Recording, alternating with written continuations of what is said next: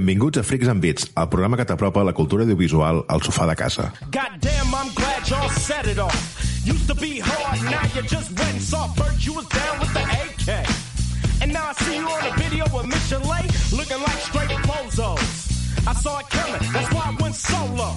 And kept on stomping. While y'all motherfuckers moved straight out of Compton. Avui, preparant-nos per comentar coses tenebroses i joieres pròpies d'aquesta època de l'any i també amb alguna sorpresa extra, som Pau Sabés, Molt bon dia. Néstor Sart, Bona tarda. Magí Berneda, Molt bona nit. jo sóc Pau Aguilar i això és Freaks and Beats.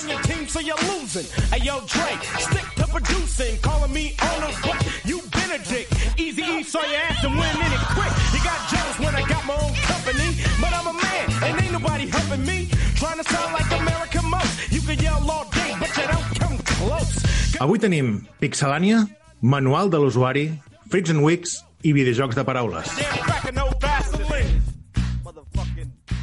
Bé, i per començar el programa d'avui tenim una sorpresa molt especial pels nostres oients, però que ens la presenti l'autor de la Pixelània, Magí Berneda. I'm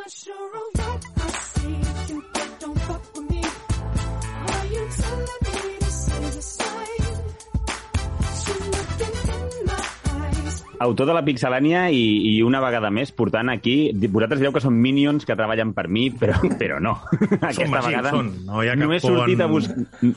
no he sortit a Pont, buscar res, jo. Sí, sí. Uh, tenim la sort de, de comptar amb Manuel Lucero, CEO de Final Boss Games, una, una petita empresa de, de desenvolupament de videojocs, que ja ens han regalat algunes meravelles que hem parlat aquí al programa, perquè, de fet, el Manuel em va fer conya uh, dient-me que jo era el que m'havia passat al, al Super Dodgeball Games. Fuiste tu, Dodgeball no? El que, el, el que em vas comprar el llibre, tio. Sí, sí, eso, eso es. ja, ja sabeu, ja sabeu que, que sóc amant dels videojocs de ritme i, i vaig gaudir molt amb aquest videojoc. I, i res, li donem pas perquè uh, ve aquí en qualitat de presentar-nos el, el seu el futur videojoc que sortirà el 2022, que és el Lumberjack. Eh, no és així, eh, Manuel? Sí, efectivamente, es Lumberjack.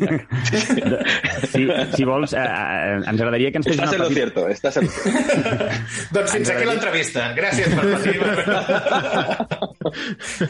ens, et podries fer una petita bi biografia o una petita allò, resum de, de qui ets, d'on vens mm. i, i com hem arribat a, a, a tenir-te aquí per parlar de, del Lumberjack? Bueno, yo, eh, yo tengo una empresa de videojuegos muy pequeñita, Final Boss, desde hace pues unos 7, 8 años. Y bueno, pues mm, ahora digamos que me toca hacer un poco a mí el trabajo de tener que... El trabajo de autónomo, ¿no? Que eres eh, la Eh, recepcionista, el CEO. y- Eso es. Eso es.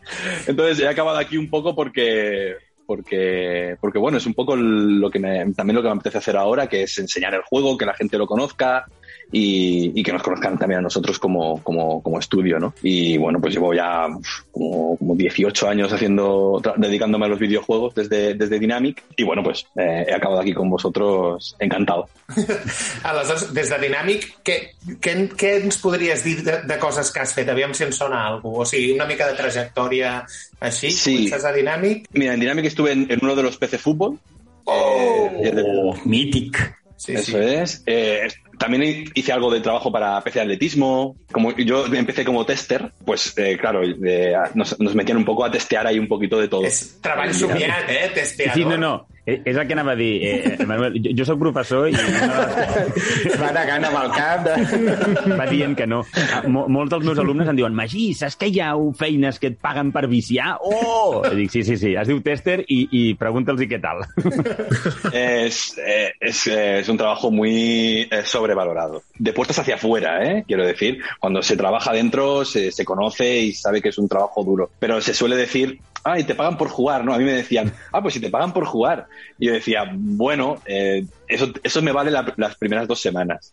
Pero cuando llevas seis meses jugando a un mismo, a un mismo juego, eh, la a més, diversión se acaba. És anar buscant no, tots els petits errors que puguin Claro. no, dins del joc. Claro, al World of Warcraft he jugado eh, más de seis meses, eh, sin problema. Eh, pero claro, juegas a tu, a, tu, a tu bola, a tu rollo, haciendo lo que te apetece. Cuando nosotros testeábamos PC Fútbol, por ejemplo, yo personalmente tenía, estuve uno o dos meses teniendo que, que mm, testear las ligas de segunda B. Eh, fue el año, el año que añadieron creo que fue la segunda B, entonces yo tenía que Centre ver cuánto podía... Centre d'Esport Sabadell, eh? Ahí a tope. eh? Que no lo... Yo, yo, yo agafaba el Figueras. Yo era del Figueras. Bien, bien. y, y, y- y- testear, era- se hacía un, un- un testeo fuerte y, y básicamente lo que yo tenía que intentar era que, ver cuántas temporadas podía durar con, el, con, un, con un club desde segunda B hasta llegar a primera, ganar Champions. ¿Ganaste ver un Champions poco- con el Figueras o no? Sí, sí, sí, claro. Pues había, había- había- había muchos trucos, había muchos trucos. President il·lustre del Figueres, tio, portant el Figueres a guanyar la Champions. Portant a, a Beckham i Figo al Figueres, no? Anava a dir, si, Sí, si fa eh. 18 anys devia ser Alan Shearer, no? I, i, penya Sí, així. estaba, estaba Shearer, estaba Overmars también, Sí, por sí. ahí. Overmars. Sí, sí. Cantona també hauria estar per allà. Cantona.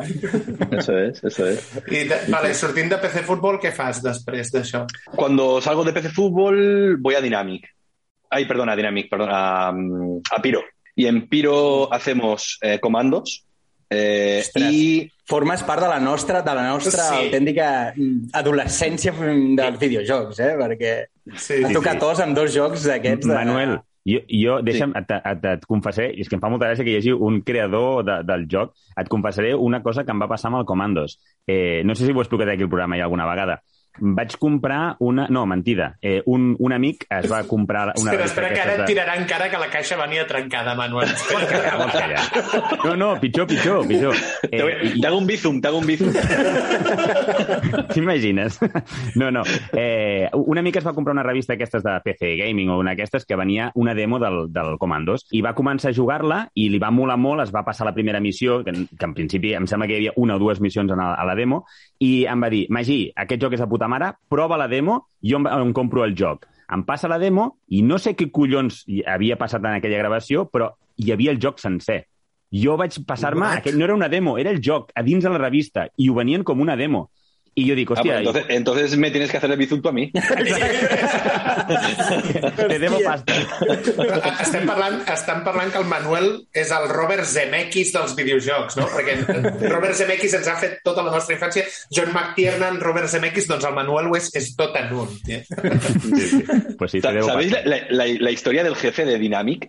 Eh, volviendo un poco atrás, ¿la sabéis? O sea, esa- No, el, no. el jefe de, el jefe de Dynamic era el dueño de Hobby Press, todo esto de todo este entramado de, de mic- micromanía, Micromanía, Hobby Exacto, y, y aparte tenía más revistas, ¿eh? no solo de videojuegos. Y, y las vendió para, para llevar todo, todo el tema de, de Dynamic. Él era, un- no era un hombre nada de videojuegos, él lo que era un hombre de negocios. Él lo quería era el, el típico de, ¿sabes? Como en la película esta de Pretty Woman, el que se dedica a comprar y vender, ma- Sí. compra cosas, las vende, pum, pam, o sea, es... Que volia era- panojeta. Ell... Sí, sí, sí.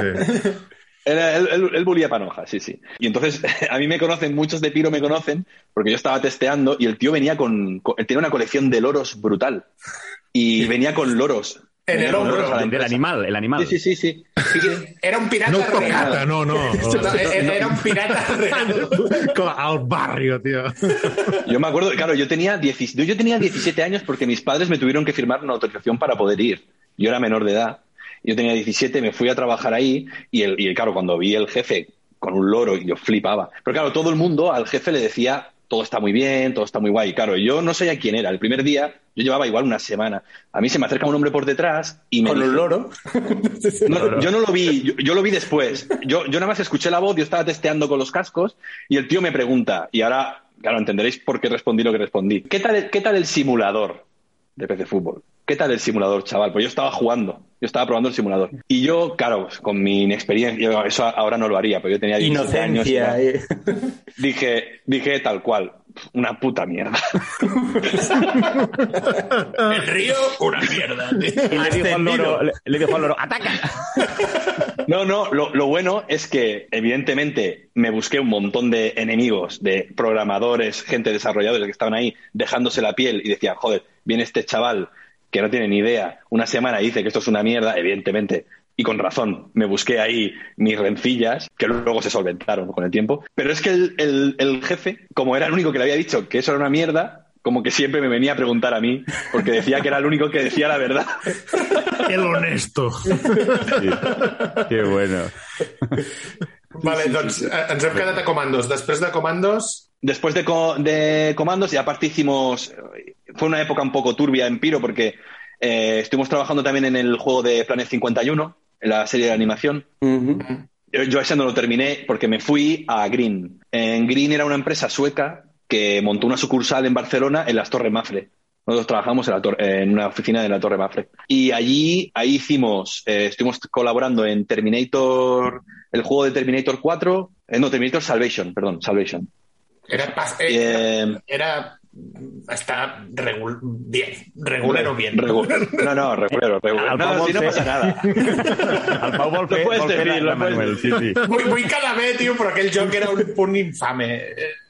Una mica... Sí, sí, sí. Bueno, no, és que t'haig de dir, se'ns van tirar el coll fa poc... Bueno, a mi se'm van tirar el coll perquè vaig recomanar l'últim que havien tret de, de Terminator per Play 4 vaig dir que era fresquito, era un joc, bueno, pues para echarle horas y tal. Y es una Pero mierda de juego, es una mierda de juego, però, però, però si Com eres- recomanes aquesta merda, no? Sí, sí, sí, sí.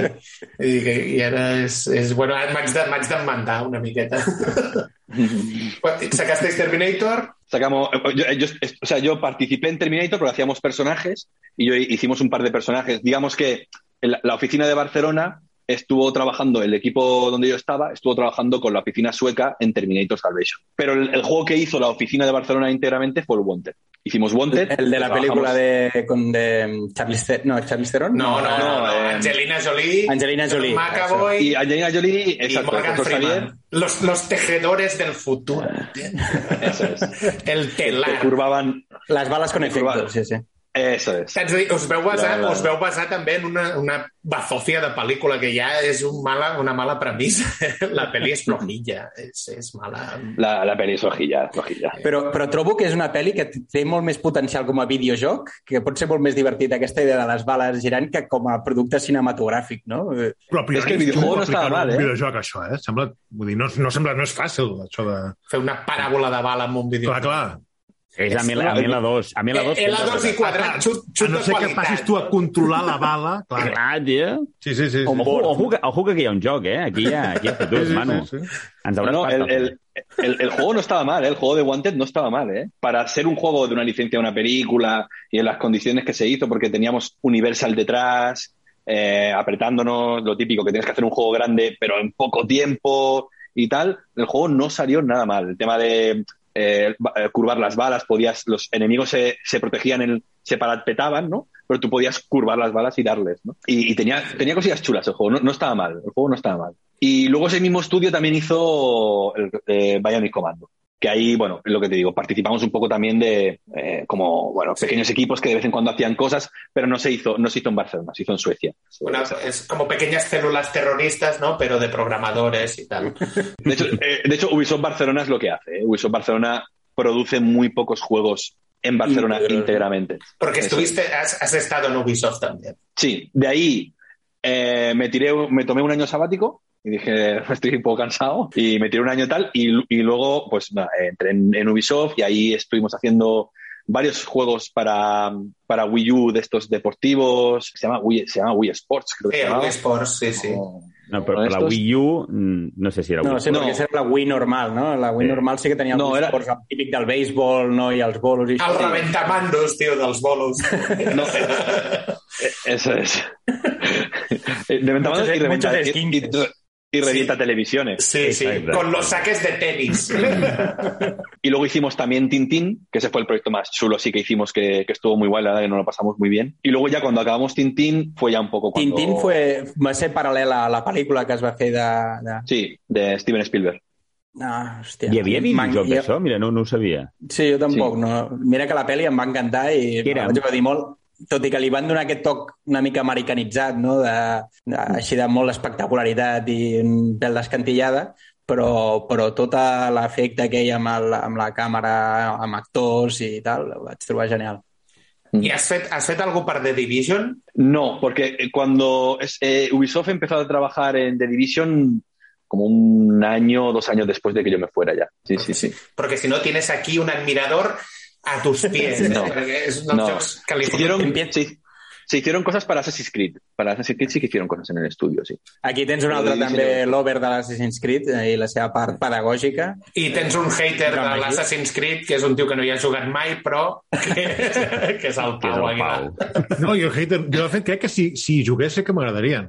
Com a mínim alguns de la saga. Que va La ser película potser- es mala. No, no. La, la La película, és mala de cojones. És horrible. Sí, sí. Jo, de, que jo de que vaig rajar va allà ser i- d'aquell de, de, d'aquell de la Revolució Americana que va sortir plegadíssim de bucs. Assassin's Books, tio, sí. Clar, clar.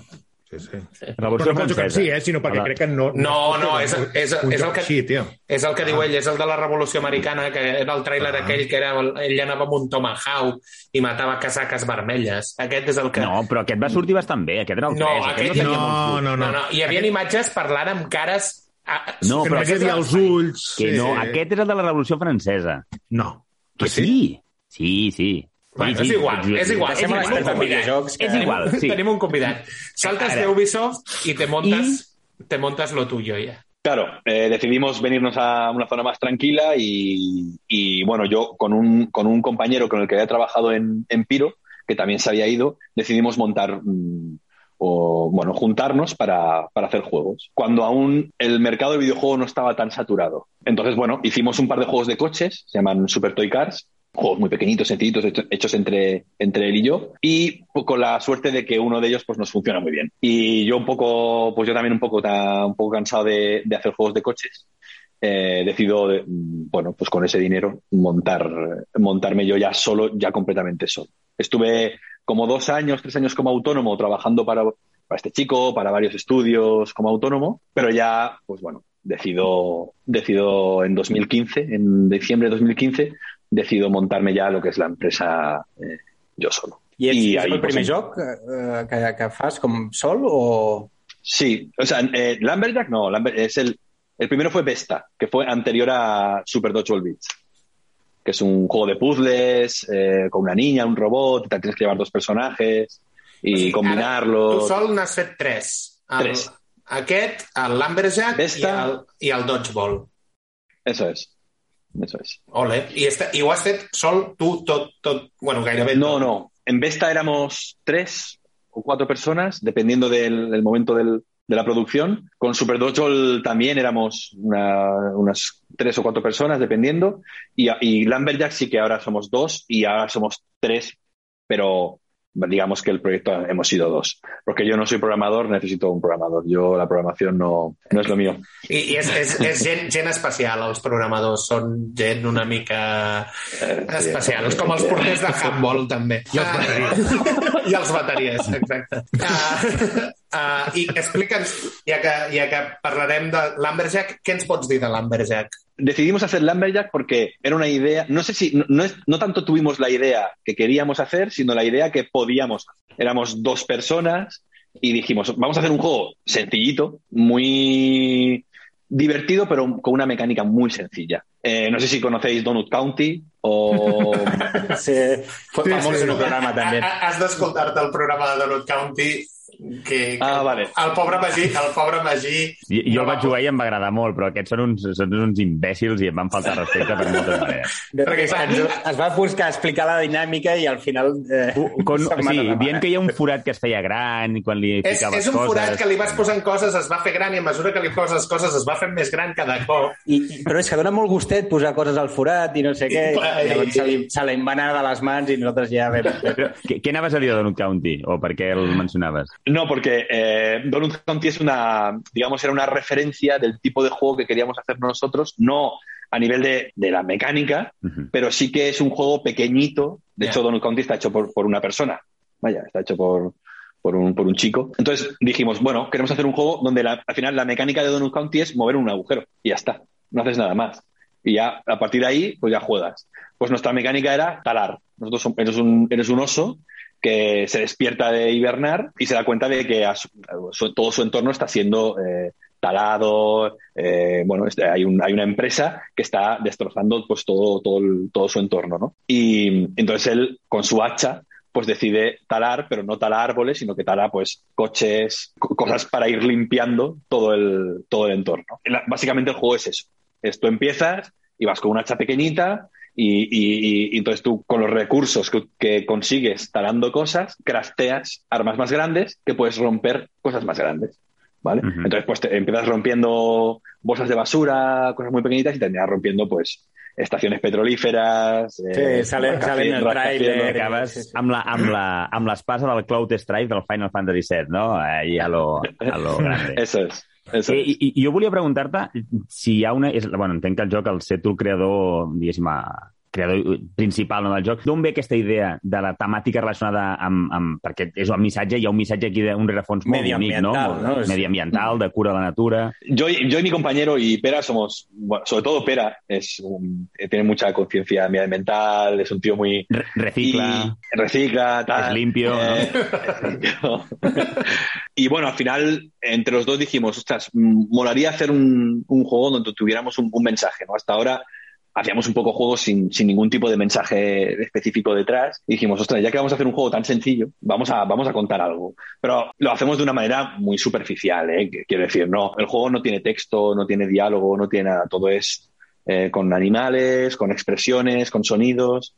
Eh, entonces, pues tampoco podíamos hacer un profundizar mucho realmente. Y, y bueno, sí que tiene un mensaje claramente medioambiental, pero por ejemplo, cuando puedes salvar a los NPCs en medio de un escenario, hay personajes.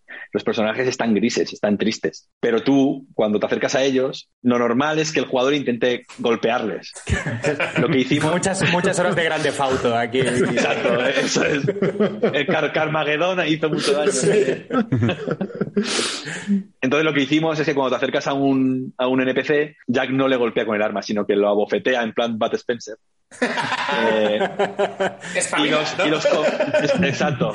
Los convierte, los, los convierte en color y esos, y entonces se pueden hacer cosas, pues se ponen a recoger basura, pues a, yo qué sé, pues a escuchar Cultivar, música. No sé qué he visto también. ¿no? Eso es, Eh, culti- culti- a esa vez pues, uno se pone a cultivar. Entonces, bueno, nos hacía gracia que eh, no queríamos entrar en un proceso de no vas a hablar con los NPCs y les vas a convencer porque vas a, vamos a dar un mensaje, sino que nos gustaba que fuese como muy absurdo. ¿no? No. Es, bueno, de un No es- guantazo. Darle la vuelta de un sí. guantazo, ¿no? Hòsties. És, Sí. Eso es. Prou ja d'arguments i espavila, no? I Eso cuida, es. cuida la natura. És M'agrada, el, m'agrada. el Pere Thunberg, no? És tu i el Pere. Thunberg que heu fet. Bad Zumber. tu. Ah, Clar, explicaves que bàsicament la mecànica és la de talar, no? Eh, Hi ha alguna...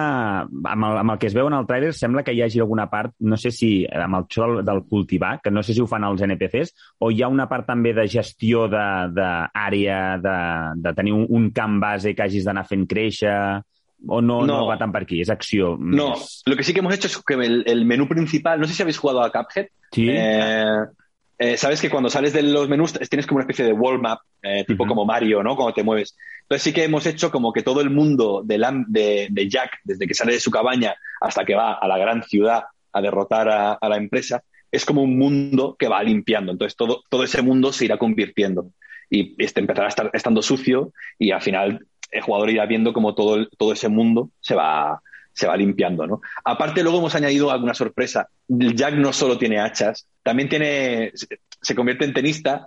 Entonces, ahí los, los enemigos, los enemigos le, le tiran, Sí. los enemigos le tiran bombas y él con la raqueta de tenis eh, se las devuelve.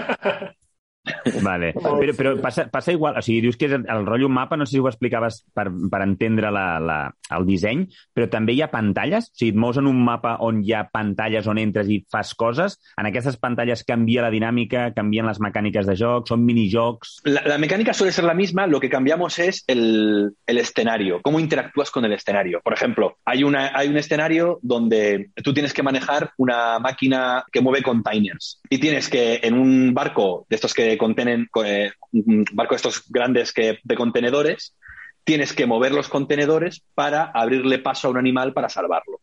Entonces tú, a hachazos, mueves la máquina y puedes imantar los... Té una los- mecànica los també una mica de puzzles en certes, eh, en certes pantalles. Eso es. No? Pero la mecánica realmente no cambia. Lo que cambia es cómo interactúas con los elementos del escenario. Por ejemplo, hay un, hay un escenario que tienes una bola, una bola de demolición. Entonces tú la empujas y cuando la empujas tiras cosas que tienes que tirar al suelo para luego tú cortarlas. Vale. Entonces intera- interactúas con cosas del escenario, que es lo que nos hacía gracia, que hay un escenario, por ejemplo, que es en el agua y te subes encima de una tortuga. Entonces, eh, la tortuga tienes que salvarla y cuando la salvas, la tortuga viene, tú te subes encima de la tortuga, surfeas sobre la tortuga y ahí pues puedes golpear cosas de- dentro del lago. Entonces, intentamos que cada escenario tenga como un factor sorpresa. Una cosa un poco... Bueno, tú que has jugado al, al Donut County, que tiene un poco eso. Sí. Donut County es, es siempre es lo mismo, pero lo que hago es que, mira, pues aquí eh, lo de las palomitas, ¿no? Que te tragas unas palomitas y tal. Pero al final siempre es lo mismo. La mecánica es la misma, lo único que cambia cómo interactúas con el escenario. Pues aquí es un poco, un poco eso. Jo, jo et volia preguntar, eh, quan us plantegeu aquest tipus de jocs, us el plantegeu per alguna plataforma en específic o, o intenteu crear un joc que es pugui adaptar, diguéssim, a moltes plataformes? A ver, nuestra idea, como ya somos desarrolladores oficiales de Sony, de Microsoft, eh, de Nintendo y tal, nuestra idea cuando hacemos un juego es publicarlo en el mayor número de plataformas posibles. Sobre todo porque para un estudio pequeño como el nuestro hay que no, tener... Hay que poner... no, no tancar-te portes en lloc. Exacto. Eh. Porque si no es difícil ser rentable. O sea, qui- quitar una plataforma porque sí te puede suponer una línea de ingresos que a un estudio como el nuestro... No, ho pensava perquè a vegades hi ha certes consoles que tenen mecanismes que són molt específics de la seva pròpia consola. Mhm. O sigui, com en el seu cas era la Wii, no?, que tenia aquest mando que, amb sensor de moviment. Doncs, clar, mm, si fas algun tipus de mecànica que estigui molt enquadrada en aquest tipus de coses, doncs, òbviament, mm, és difícil després fer-se a altres plataformes, no? Sí, como la gente que hace ahora, por ejemplo, para VR, para las gafas. Claro, si tú haces realidad virtual, a mí, yo, yo, yo- me, me parece un, un riesgo muy alto hoy en día hacer un juego solamente para una cosa muy específica porque o vas con un publisher muy potente detrás, ¿no? O haces el, el, ¿no? el, el de Valve, el que hicieron el, El Alex. el Alix, claro que dices, bueno, pues les da igual a esta gente hacer un juego porque aunque pierdan dinero, mm, esta gente está se baña en, en oro todo el Sí, però bueno, da igual. en una altra escala, mm, també ho discutíem també quan va sortir la Play 5, en el seu moment, no?, de que mm, fer jocs exclusius de Play, de Play 5 era un risc molt elevat perquè hi ha I més, i, més si no hi ha, la... no, I més si no hi ha Play 5 al mercat. Jo volia, volia afegir, eh, com que em declaro fan del, de l'antic joc, el Super Dodgeball Beats, que us felicito, realment soc, ja, abans ho he dit, eh, soc molt fan del Rhythm Games i aquest el vaig gaudir molt, i trobo fascinant que l'hagueu fet eh, amb molt, un equip molt petit. En, hi ha alguna mecànica, o és una sorpresa, hi ha alguna mecànica del, en l'Amberjack que sigui tipus Rhythm Game? Va, dona'm una alegria. Magí, no, ja t'ho dic jo. No, tio. Merda. Sí, amb la d'Astral pots anar destrossant cocos a ritme... De... No. No, no, no, no, no, no. no. Lo, lo planteamos, pero eh, era no, no, no encajaba, no encajaba. Era meterlo un poco con calzador y no, no. Y Vale. acabamos un poco cansados, acabamos un poco también cansados Sí. de juegos de ritmo. El joc, el joc té música Sí, i com teniu algú que us la fa, sí. El, el músico es, un- es, por ejemplo, es un trabajo que hacemos, externalizamos el trabajo. Hay un chaval que, que es músico y, y, y no es el que nos hace la, la música. Es el chico que, ¿conocéis Moonlighter, el juego? Sí, Pues el, el mismo músico es, es el que nos ha hecho la música del juego. Bé. I el, un, altre, un altre tema, no sé si ja és... No, que no sé què em pots dir d'això, però a nivell de, de, que surti en format físic, perquè en aquest programa som molt de format físic. En principi el joc entenc que sortirà d'entrada en digital, no? Som una mica boomers i llavors, doncs, clar... Sí. No, és, és un De- fetichisme, fetichisme de col·leccionista. De tenir la caixa... Olerla, dormir con ella. Mm, me- es, es que decir, si os enseño mi habitación, no, no encajaría bastante. no os preocupéis. Soy, yo soy muy de formato físico. Estamos, estamos, como diría aquel, estamos trabajando en ello. Eh, lo que pasa que como estamos con un publisher que es eh, americano, digamos, todo ese tipo de cosas ya las delegamos en ellos. Un- uno de los motivos por firmar con un publisher es precisamente para no tener que preocuparme de, de estas cosas. Entonces, la idea es que hagamos formato físico, pero suele ser una cosa que se suele hablar un poquito después, porque las empresas que publican en físico suelen, primero suelen, les gusta ver qué tal ha funcionado un poco el juego. Clar, Y a partir de clar. ahí se, se lanzan o no se lanzan. El, el, el, Super Toy, el Super Toy Car sí que he vist... Bueno, ho he mirat, ho he mirat ara, eh? no, no el coneixia el joc. I he vist que Mhm. sí que ha sortit en físic aquest per Play 4, Sí. Switch i PC. Sí. Molt bé, molt bé. Sí, sí. I per quines plataformes el traieu? Sí, Lumberjack en, prin- en pr- eh, firmado con el publisher está eh, Steam, GOG, estamos mirando de, también la Epic, pero de momento no está confirmado, Switch y Xbox. Ah. De momento Playsta- PlayStation de momento no entra dentro de, Ah, no. la- de los planes. Com el trailer no? al final... Com no, Sony. Tratant, tra- tractant bé a la gent, com sempre. No, na- na- anava a dir que en el trailer al final només em, ens va semblar veure Steam i Switch. No sé si, bueno, totes les altres... Por- porque el tráiler era el tráiler que se enseñaba en el indie, en el indie World de Nintendo. Entonces no podíamos poner Mm. otras Ah. plataformas. Steam- Nintendo sí que te deja poner Steam porque ya, digamos que no le queda otra. O sea, es decir, ya hay que claudicar ante eso porque no puedes decir solo Switch. Pero, eh, claro, al ser un evento de Nintendo no podía aparecer ahí el logo de Xbox. Els competidors directes. De... Clar, clar, clar. Eso es. Sí, sí, sí. Té, té, té data de llançament ja? No tenemos una fecha eh, específica, así que la idea es salir en, en el primer trimestre de 2022. Primer trimestre. Molt. Y no, hemos, no os hemos podido pasar una demo, lo hablaba con, eh, contigo. Así. Eh, Sí, sí. Eh, porque eh, bueno, el publisher no, de momento no nos deja que eh, podamos pasar eh, demos ni nada. hasta que hasta que un poco lo, lo hagamos de una manera más oficial. Probablemente participemos en algún evento estos de, de Steam, que hay es- las demos de Steam y tal. Entonces ahí, ahí ya un poco como Mm. que se abrirá la veda para poder pasarlo a medios y tal. Pero de momento mm, no nos dejan. Y pregunta desde la total ignorancia, ¿eh? pero eh, plataformas móviles, eh, este tipo de cosas, Están ¿es otra hablando- batalla o es...? eh, A ver, Lambert ya que es un juego muy portable a móvil. Ya, Sí, por eso, por eso es lo comentaba, ¿eh? Porque me- Claro, nuestro publisher está, está teniendo conversaciones con, con, alguna- con algunas empresas para poder llevar el juego a móviles. Pero eh, está- estamos en conversación. O sea, no hay nada, no hay nada, nada fijo. ¿vale? ¿Y requiere de algún tipo de adaptación o de esto para adecuación para el móvil o podríais utilizar el mismo...? A ver, ha- haría falta retocar cosas porque el control no es el mismo. Claro, tú mapeas el control en un mando. Eh, cuando el móvil, claro, juegas en una pantalla. Y a mí, yo no soy muy partidario de poner el pad en una pantalla. No, no me gusta porque no tienes un feedback de lo que estás tocando. Eh, entonces, el- a mí me, gusta, me, me gusta más hacer point and click. Es decir, me gustaría más que Jack se moviera donde tú le das. ¿no? Te mueves aquí, pum. Para eso habría que hacer cop una- amb la destral, clar. Sí, clar. Eso es, justo. Habría que tocar cosas, pero ya hemos hablado con el publisher que en el caso de que tengamos que adaptar el juego a móviles, se, externaliza- se externalizaría. O sea, pasaríamos la, le pasamos el proyecto a una empresa que es empresas que se encargan de hacer ports a móviles y ellos se encargarían y el publisher se encargaría de pagarlo y todo. O sea que bueno, nosotros en principio no, no nos costaría nada de tiempo, nada de dinero y, y, Y más gente a la que llegas. Claro, sobre todo porque el tipo de gente con la que están ha- hablando son gente que si, si firmamos eh, entra pasta.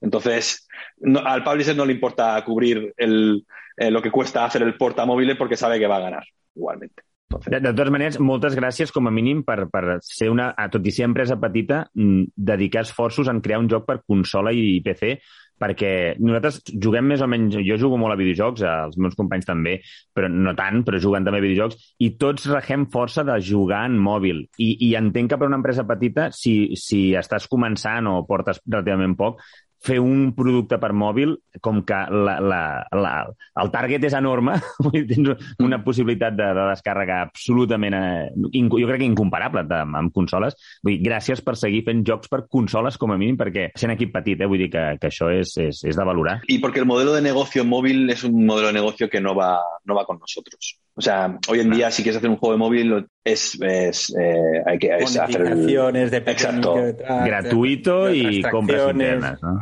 ¿Sabes? Como, como el- al- cuando éramos pequeños que nos decían que había alguien en la puerta que daba droga y para luego, ¿os acordáis? Primeras gratis. primera sempre és gratis. Exacto, la primera es gratis, ¿no? Pues un poco eso y entonces, bueno, nosotros no, está- no estamos muy de acuerdo con ese modelo de negocio, lo respetamos y no tenemos ningún problema, pero nos gusta más el modelo más honesto de pagar para jugar. Producto acabado, ¿no? Exacto, tú pagas y juegas y ya está. Con respecto a lo que has comentado, eh, Néstor, ¿te llamas? Sí, ¿no? Sí. Sí, eh, perdona, eh, es que con los nombres soy un desastre. El tema de la exclusividad de Sony y tal, generalmente, si un juego es exclusivo de, de una plataforma, no sufras por ellos, han ganado dinero, porque la plataforma paga dinero al ese juego para ser exclusivo. Una Entonces, compensació, no? Com una... exacto, Sí, exacto. ¿no? Es como un Game Pass, como un Game Pass. Si, si vas a un Game Pass con, con Microsoft y, y estás, eh, en el caso, ha, ha salido hace poco Aragami 2, un juego de hecho en Barcelona, Sí. Eh, es- han firmado dos años con Game Pass, les han pagado dinero por ello.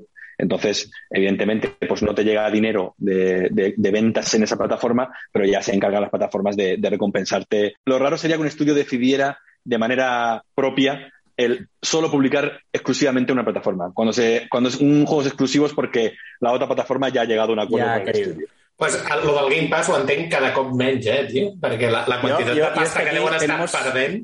És que hay un debate... sobre Cada el semana sobre está el Game debate. Pass. No te que- creas, ¿eh? Si haces cuentas, Game Pass da, da dinero, ¿eh? Son Jo- muchas- jo és es que mucha la- pasta. ¿eh? La, la, la discussió que tenim també una mica és que em dóna la sensació de que el Game Pass acaba sent un lloc on hi ha tantíssim material no? que, que al final descobrir coses o trobar coses, una mica com també passa en les plataformes mòbils, no? de que poder estar allà i que la gent et conegui és tan difícil perquè hi ha tantíssima quantitat de, de producte que al final tens un Game Pass que tens accés a moltes coses i, i no sé si al final acabaràs traient-li rendiment no? o profit. Però, però ja, ja no és el tema només de què fa el Game Pass amb el públic de, de, de Xbox i Microsoft, és com afecta això a la competència, com afecta això a Sony el fet que, hi un, que, que, que Microsoft tingui un Game Pass. Clar, és que mm, potser l'està afectant de manera molt seriosa, eh? Es que yo, yo creo que Microsoft eh, lo que ha dicho es como no puedo competir con Sony, voy a, a buscar un modelo de negocio distinto. O sea, voy a, voy a pivotar y voy a cambiar. Però és que els Que no puedo pintant... competir- no puedo els competir. Els hi està pintant la cara, eh? Vull dir, ara I, mateix... a nos- I a nosaltres com a Sonyers també. I a part perquè després Sony tracta fatal els seus usuaris, tio. però bueno, és igual, no entrem en aquest debat. És un altre debat. Y- pero un día, un día podríamos hacer un programa de esto porque es muy interesante. Yo tengo ideas mm, al respecto mm, que creo que son... Está, está guay ponerlas encima de la mesa. Un día... Escolta, pues, pues Manuel, convidat invitado para el programa de Sí, sí. Game Pass. Sí, sí. Sí, si voleu, ja com a, com a última pregunta, eh, jo diria, Manuel, per, mm, per què comprar ell, mira. Magí, perquè... Pro, promo, promo. No, no, tengo, tengo- puedo, puedo, puedo La promo, la promo. Mira, a, a, als meus companys que juguen a poques coses, potser, com que juguen poc, poden caure. Jo tinc molta cosa que jugar, jugo molt, m'agrada molt provar molts jocs diferents. Eh, per què hauria de provar l'Amberjack? Yo voy a decir lo que, lo que Lumberjack puede ofrecer. O sea, Vale. Lumberjack es un juego muy agradecido de jugar, entras enseguida, es muy fácil, es un juego cortito. Yo soy apasionado de los juegos cortos. Me Vale, encanta eso de en una tarde me lo acabo, ¿sabes? Vale, per- pels, que, pels que tenim fills, es- s'agraeix molt això. Aquí, aquí anava jo. Jo cada cop sóc més fan d'aquests jocs que te'ls pots començar i acabar i, i Vols seguir pillar-te tenint una vida Witcher, familiar. Néstor, tio? The Witcher, 260 hores de joc.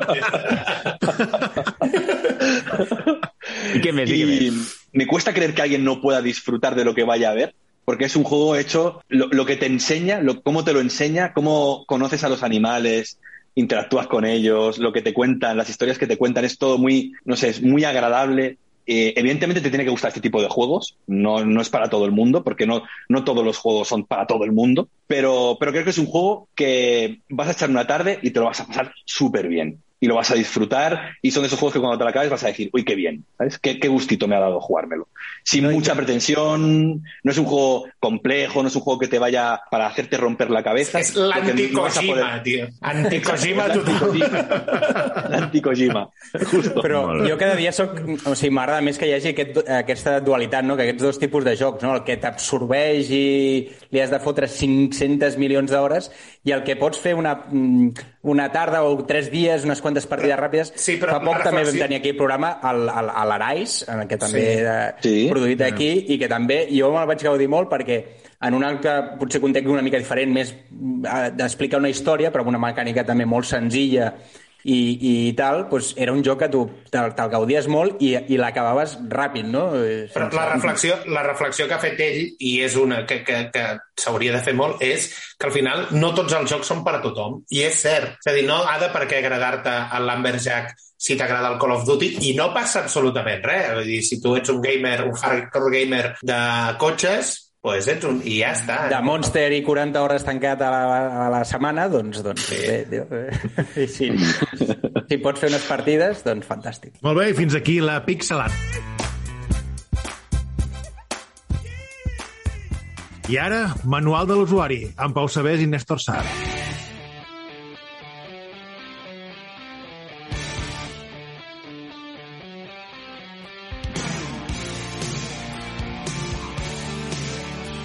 Bé, bé, bé, bé, bé. Com que ha sigut Halloween, eh, i ara ja, perquè sembla que ha vingut per quedar-se, el Néstor i jo hem decidit portar-vos un manual d'usuari de pel·lícules slasher. una miqueta com sobreviure o quins clichés us podeu trobar en aquesta mena de pel·lícules. I, com sempre, us anirem llegint els punts i vosaltres podeu intervenir quan vulgueu. Així que comencem.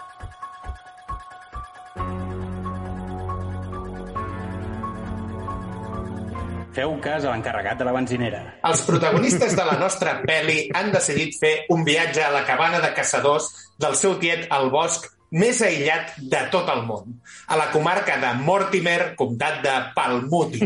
Però abans d'arribar han de posar gasolina. La seva juvenil felicitat, desbocada per la idea d'una futura orgia sexual acompanyada per alta ingesta d'alcohol i fumada de canutos, es veurà un punt alterada quan l'encarregat de la única benzinera local, un senyor curtit al sol, amb una borilla de cigarreta permanent als llavis, una gorra de la Vuelta Ciclista del 88 i un mono texà tacat de greix que deu olorar a mofeta morta, els fa el típic comentari tranquil·litzador tipus «Hi ha un boig suelto pel bosc» o «La cabana on aneu està maleïda» o el també clàssic «Morireu tots». Els joves perden un punt al somriure, però la il·lusió que tenen i la pressió als pantalons reconduirà la sang dels seus cervells novament a la cigala i se'ls passarà ràpid l'ensurt. La típica... Aquest, aquella pel·li, la, la cabanya en el bosque en fa conya d'aquest punt, precisament, de totes les pel·lis aquestes, tipus La matanza de Texas, no? Que, que tenen el punt Aquest, aquest. aquest coneixement del lore local, no? De... Sí, sí. A més, aquest, aquest, aquest curtit home normalment sempre fa, apareix en algun moment per salvar-los al cul eh, amb la seva escopeta de doble canó. Número 2. Primeres senyals. El nostre grup de protagonistes hormonats està passant-s'ho d'allò més bé, excepte algú que comença a veure que quelcom no rulla de manera saludable. El nostre assassí inicialment s'ho pren tot amb calma. Li agrada fer les coses de manera exponencial. Començarà amb petits sorolls, una aparició aquí a la distància, fer desaparèixer algun objecte, escriure alguna cosa a la paret, sempre a mode d'advertència, advertències que seran totalment ignorades. Aquella merda de... de... Susan! Has sentit alguna cosa? No? no. No, no, no ha sido nada, ha estat el vent, segur. Sí, sí. Jo estic, jo estic corrent, vamos, en direcció El Pau, contrària. el Pau sents xirriar les rodes del cotxe. Totalmente. No me voy a meter. No, no me voy a meter. Jo estic out d'això. Número 3. Testimoni ignorat. L'assassí es cansa d'avisar i comença a matar. Aquí s'ha vingut a currar.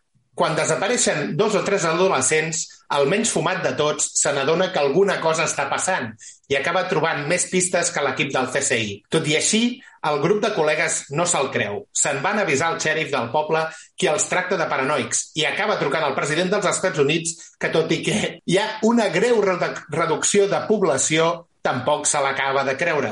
Els policies necessitaran veure com es budellen algú davant seu per creure's el que està passant. Aquests típics polis locals de no, hombre, no, esto no està passant, fins que es troben penjat de l'església un tio amb els budells penjant i, bueno, quizá tendríamos que avisar a la Guàrdia És un Nacional. accident, no? Com fan a, a Hot Hay Fuzz, caso, hay no? caso. Un Que- A, a la pel·li de Hot Fuzz és molt bo perquè tots són petits accidents sense importància quan se li ha caigut No, un, va- una tros de la catedral a sobre del Sí. cap, un, un Moren. altre decapitat. No, són accidents, passen els accidents. Mans de mantega. La tremolor de les mans quan et trobes a un assassí de cara és un altre clàssic.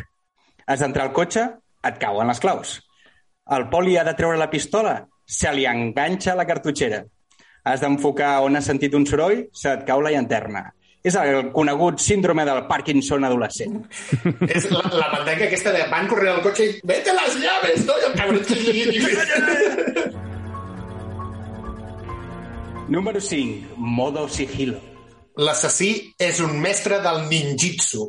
Ja pot estar al mig d'un bosc cobert de fulla seca que el paio caminarà sense fer cap mena de soroll ni deixar rastre. A mi això em fascina les pel·lis de, del Jason, que el Jason és capaç d'acostar-se a algú sense fer ni un puto soroll, a plena foscor, sense cap mena de llum. El tio... Però al mig del bosc, eh? Que hi ha veus branquetes per tot arreu, que tu no pots fer ni mitja passa sense trepitjar una pinya i, i el tio eh, l'evita, l'evita pel bosc. Número 6. El follar se va a acabar. No hi ha res que foti més ràbia a un assassí en sèrie que els folletis. Guarda la titola dins els pantalons i no cedeixis a les propostes indecents del guaperes del grup. Els verges sempre sobreviuran. Una clara referència a la puresa contra el maligne. Aquest missatge és patrocinat per l'Església. Si et poses a follar com un degenerat, vindrà l'assassí i acabaràs sodomitzat. Però això, i això és molt bèstia dels lores d'aquesta època, era que és una clara referència a, a el pecado permite la entrada del mal. I si t'hi fixes, la, la Laurie Strode a, a Halloween, divendres 13, totes aquestes pel·lis, la que és la verge innocent acaba sent la final girl. La que, la que no vol veure i tots se'n riuen d'ella, la que no tal, i això en si és la que acaba salvant a tothom, o l'única que sobreviu, millor. Número 7. Sindicalismo regulero. Sembla que aquesta gent no entén el concepte de que la unió fa la força. Perquè el líder del grup, segurament un quarterback que ha patit massa traumes cranioencefàlics durant la seva infància, decideix que la millor solució al seu problema és separar-se. Com diu el Goyo Jiménez, és una tàctica excel·lent pel que t'està matant. Allò de, no, estamos todos juntos, vayamos a explorar en grupos.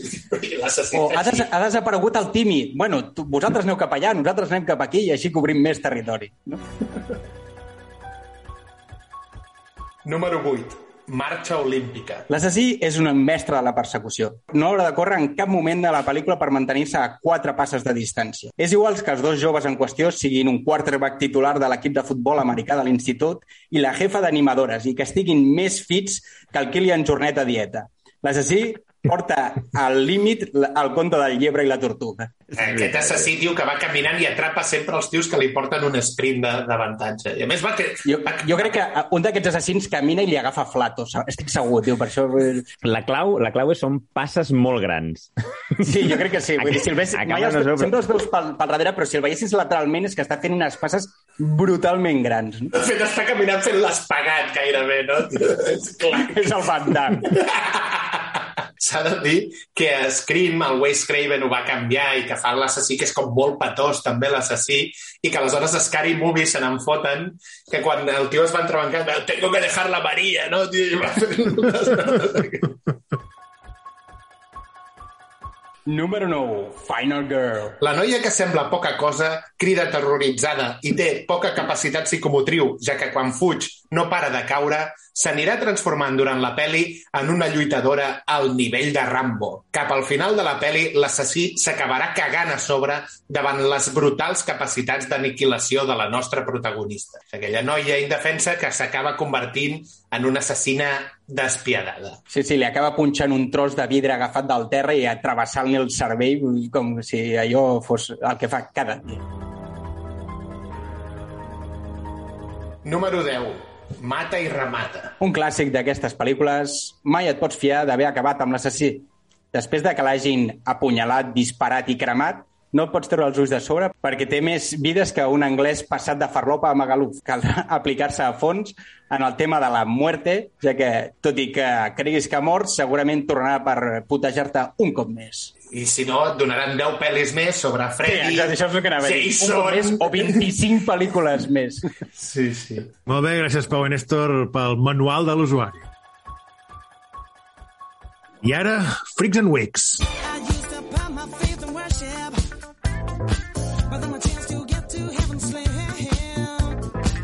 Molt bé, nois, doncs jo us porto a L'home invisible, la pel·lícula de l'any 2020, dirigida per la Lake Wangel, escrita per Lake Wangel, una mica Hideo Kojima, aquest senyor Lake Wangel. És de la factoria Blumhouse, dels mateixos que van fer la mòmia amb Tom Cruise i tot això que intentaven fer aquest univers de criatures fantàstiques, una mica la, la Liga de los Hombres Extraordinàries, però en bien i en terror, i que la protagonitza l'Elizabeth Moss d'una manera eh, espectacular. O sigui, ella sola, amb plans de càmera que es van obrint i tal, et transmet tan bé el fet aquest de que creguis que hi ha algú a l'habitació i el pur aquest de que, clar, ningú la creu i, i tota la paranoia, la persecució i ella parlant amb la paret estàs ahí, sé que estàs ahí, està molt bé.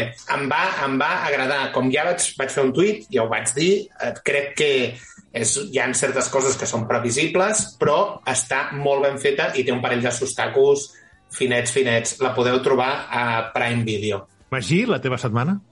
Bé, doncs jo aprofito per dir-vos que he anat eh, dos dies al Sol de la Manga, que ha coincidit aquest cap de setmana, i ho lligo amb que porto unes setmanetes eh, veient, uns dies veient, capítols d'una sèrie ànime que, que coneixia però no havia no m'havia animat a veure, que és... Té, té, hi ha tres noms. A La versió japonesa, Kimetsu no Yaiba. Es va arribat aquí com a Demon Slayer o l'han traduït al- a l'espanyol com a Guardianes de la Noche. Como puedas. Eh, com puedas. És la, una, una sèrie d'això, d'animació. Diuen que és, després de Bola Drac va venir Naruto, després de Naruto es creu que pot ser... Bueno, One Piece també ha estat així com a sèrie que ho ha patat molt i ara aquesta de Guardianes de la Noche doncs ho està també, està tenint molt, molt èxit. A, això, el sol al manga, i crec que una de cada quatre persones anaven disfressades d'algun personatge d'aquesta sèrie. I és una sèrie que et dona, doncs això, el protagonista per circumstàncies X eh, es, es converteix o decideix convertir-se en un caçador de dimonis. Representa que és un món on hi ha, eh, entre humans, hi ha dimonis que apareixen a les nits, els mata la llum del sol o un tall d'una espasa d'un guardià de la nit, d'un d'un dem- Demon Slayer d'aquests, i eh, són tot aquest, té tots els ingredients d'aquestes sèries que, que et dona el, un protagonista eh, que va fent-se cada vegada més fort, va millorant certs atacs, va trobant-se amb rivals més difícils, una miqueta la- l'actualització d'aquestes bola de dracs que tant comentàvem, d'acord? Però l'estic eh, gaudint moltíssim, sobretot perquè a nivell de... Hi ha un manga de la, de la sèrie, però jo estic veient la sèrie animada, l'anime, eh, a, a nivell d'animació està molt, molt currada i té una banda sonora molt èpica. De, de fet, amb això és molt diferent a la de, a la de Bola de Drac, però nosaltres, com a fans de Bola de Drac, eh, recordem i moltes vegades hem tingut com a to de, de, de, com a melodia del mòbil algunes de les millors eh, músiques de combat de Bola de Drac, doncs aquesta sèrie és espectacular, la banda sonora també molt orquestrada, molt, molt, molt èpica, molt èpica. Banda sonora molt- original, entenc, per això, no? No és que tingui... No agafa temes existents. No, no, no, banda sonora de, de la, original de la, de, la, de la pel·lícula, ai, de la pel·lícula, de la sèrie. Hi ha una pel·lícula també en dansa que va guanyar el, certs premis. Si no ho vaig entendre malament, em sé que és una pel·lícula que la ubiquen, serveix com a, com a argument que lliga la primera i la segona temporada, si no ho he entès malament, que es diu no sé què del tren de l'infinit o alguna cosa així. Però bueno, que estic gaudint molt. No l'he acabada, aquesta la temporada són 26 capítols, em sembla, però molt, molt recomanable. Capítols de quan? 20, 25 minutets, fre fresquets i animes, sí. Molt bé, Néstor, tu què tal? Jo us porto Kate, la pel·lícula de Netflix que, que protagonitza la Mary Elizabeth Winstead. A veure, no és una pel·lícula que se li pugui exigir grans coses, ni ella pretén grans coses, és una És pel·lícula igual, surt el Winstead, ja està. Pura, què, i- què I més necessites, I Néstor? el Woody Harrelson, tio, o sigui, què, què més vols? tio? A Woody. Harrelson també apareix. Sí, sí. I està ambientada al Japó, eh, clàssica... Eh, Basada en un anime, també. Basada en un anime, també, que sí que té algun parell de moments en què es veu molt aquest, aquest, aquests, aquests aires una mica que La veuen de persecució, l'anime. la persecució de cotxes, precisament, Sí, és sí, molt sí, la anime. persecució de cotxe és potser el més descantillat de la pel·lícula, eh? potser és el moment més ànime de tota la pel·lícula, eh, però bueno, la història és un assassina sou que, que l'enverinen i que té mm, un temps per portar a terme la seva venjança, no? I pues, és una super badass eh, Mary Elizabeth Winstead que va tota l'estona al límit i lluitant contra mm, milers de japonesos yakuzes. armats de De yakuzes i de tot sí. per executar la seva venjança. Eh, I és no cranc, és molt més... De... No és- li busqueu més, més No. coses. És cranc, més John Witch, tot una mica barrejat, no? Sí. Eh, Sí, sí. però a veure, és una pel·li entretinguda i que passeu una bona estona i la podeu trobar a Netflix. A mi, a mi o sigui, és fresca, bien. Sí, sí, sí. És fresca, tarda, bien. tarda tonta, tarda tonta. És millor que Guns Akimbo.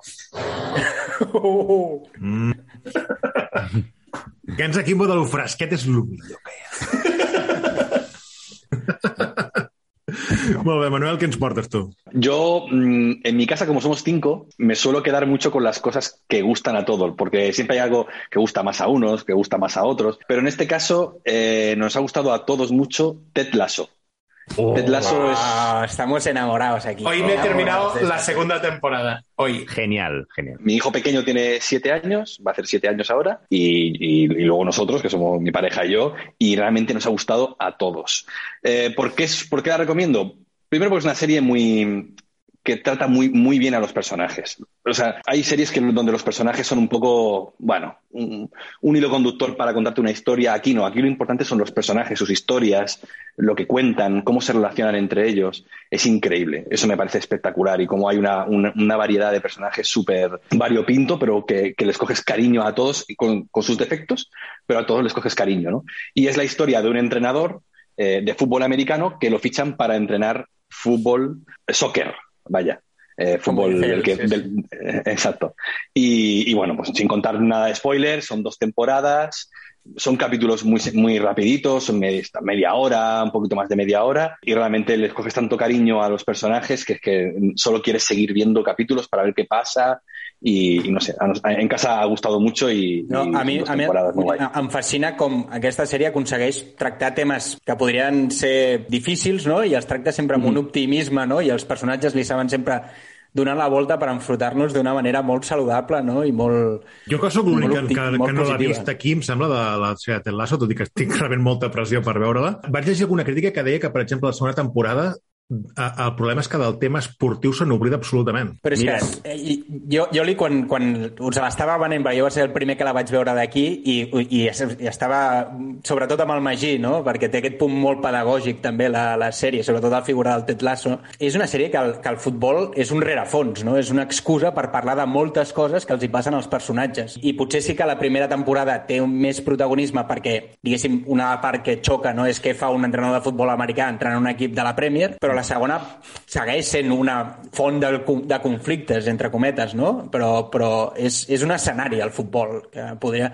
Jo li, quan, quan ho parlaven deia, el futbol no té, Is no té ni per què agradar-te, no? Vull dir, i que si has jugat a futbol o alguna cosa, hi ha, hi ha, hi ha certs clichés o certs tòpics que la, la, la sèrie els, en parla i els tracta, no? I, i que fan encara més, encara més divertida cer certes situacions però que ho pots eh, veure tranquil·lament sense ser Sí. un futbolero. De, de hecho, nosotros, por ejemplo, en casa no vemos fútbol, no nos gusta el fútbol. O sea, no- nos da igual el fútbol aquí. Y podía haber sido curling. Es que Sí, sí. da igual. O sea, es que no, el, el- el- el fútbol es, es- es lo que ha dicho Néstor. El fútbol es, es un poco lo que, lo que une, lo que hace que todos esos personajes estén, estén unidos, pero no, realmente no es importante. Lo importante es cómo es la relación entre ellos, cómo tratan también los... los me gusta mucho cómo, cómo son valientes tratando las enfermedades mentales. Eh, En la segunda en fin, temporada, la segunda temporada es muy, muy importante esta, este factor, el de la, com tractant la- la- la- la- l'angoixa a l'esport, no? O, o en l'àmbit laboral una miqueta. Jo si Sí, trobo... el psicòleg, no?, dins de Sí. l'esport, també. El qui trobi primer la samarreta al Roy Kent, que li compri als altres, eh, tio? Sí. Foco, fuck! Mi- mis, mi- mi- mis hijos se, se levantaban por la mañana cantando Sken, Sken, Sken, el puto amo, Royken. I no cantaven Jamie Tartu, tu, tu, tu, tu, Jamie también, también, también, también, también. Molt bé, Pau. I tu què has vist? Jo bé, aprofitant que va, va, ser, va ser la castanyada i Halloween, vaig eh, voler mirar alguna cosa així lleugereta, però relacionada amb el terror. Vaig Vaja. mirar la, la pel·li de l'any 1990, Tremors, o Temblores, com, es va Uh, dir, Kevin com es va dir aquí.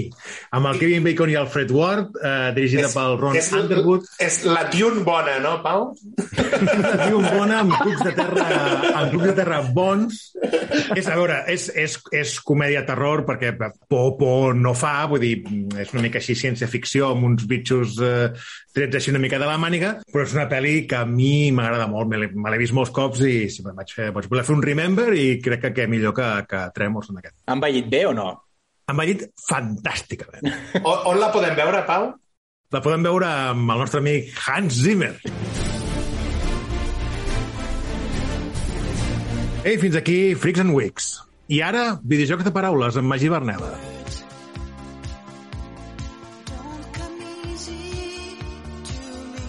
Som-hi! Sobre el taló hi es veu un petit grup de persones organitzades, amb el seu líder al cap, totes elles cosint i fent treballs de punta de malla. Es tanca el, es tanca el taló. Nom del videojoc?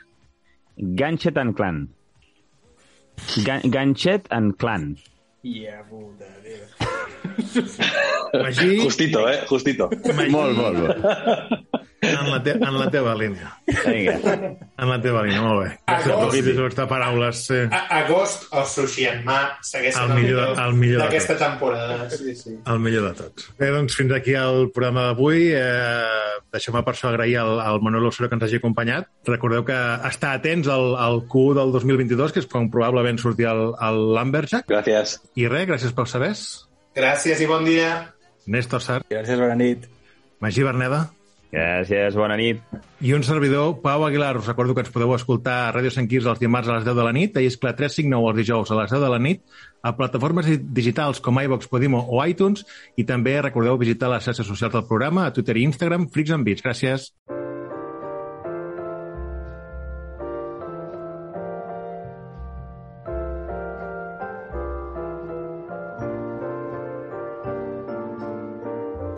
Unforgettable. That's what you are. Unforgettable. Though near or far.